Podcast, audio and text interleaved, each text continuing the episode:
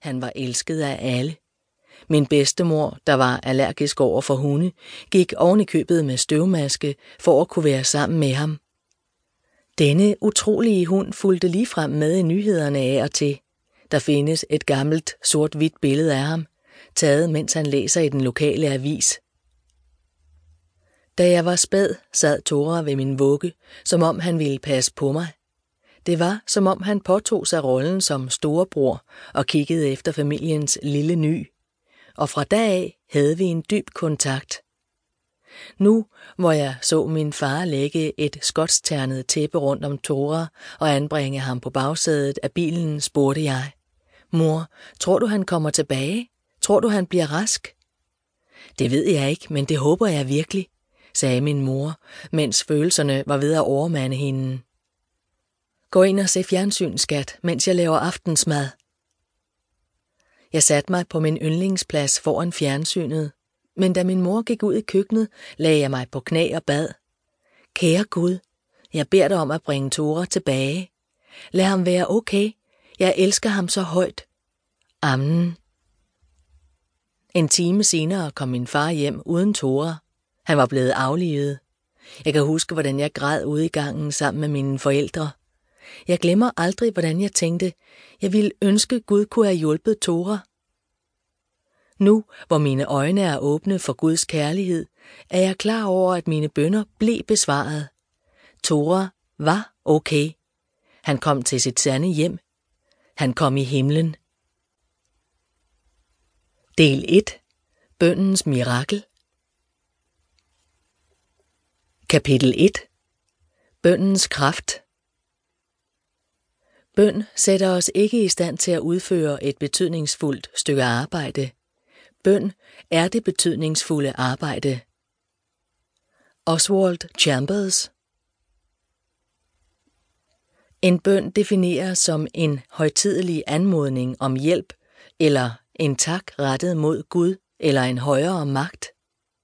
Det er det øjeblik, hvor vi tilkalder hjælp, søger forandring, har brug for et svar eller ligefrem et mirakel. Det er, når vi tillader en magt, der er større end os selv, at hjælpe os eller opdager den kraft inde i os selv. Ligesom engle rækker bøn videre en religion.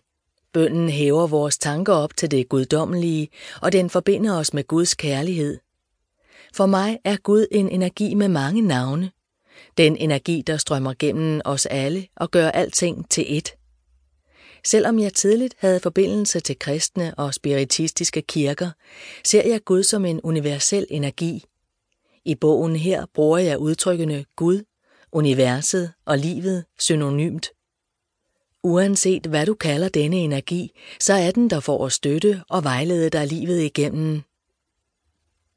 Vi har alle på et eller andet tidspunkt bedt til Gud, men mange af os kan ikke forklare, hvad vores bønder gør, eller hvor vi har lært at bede. For mig er bøn metafysisk medicin.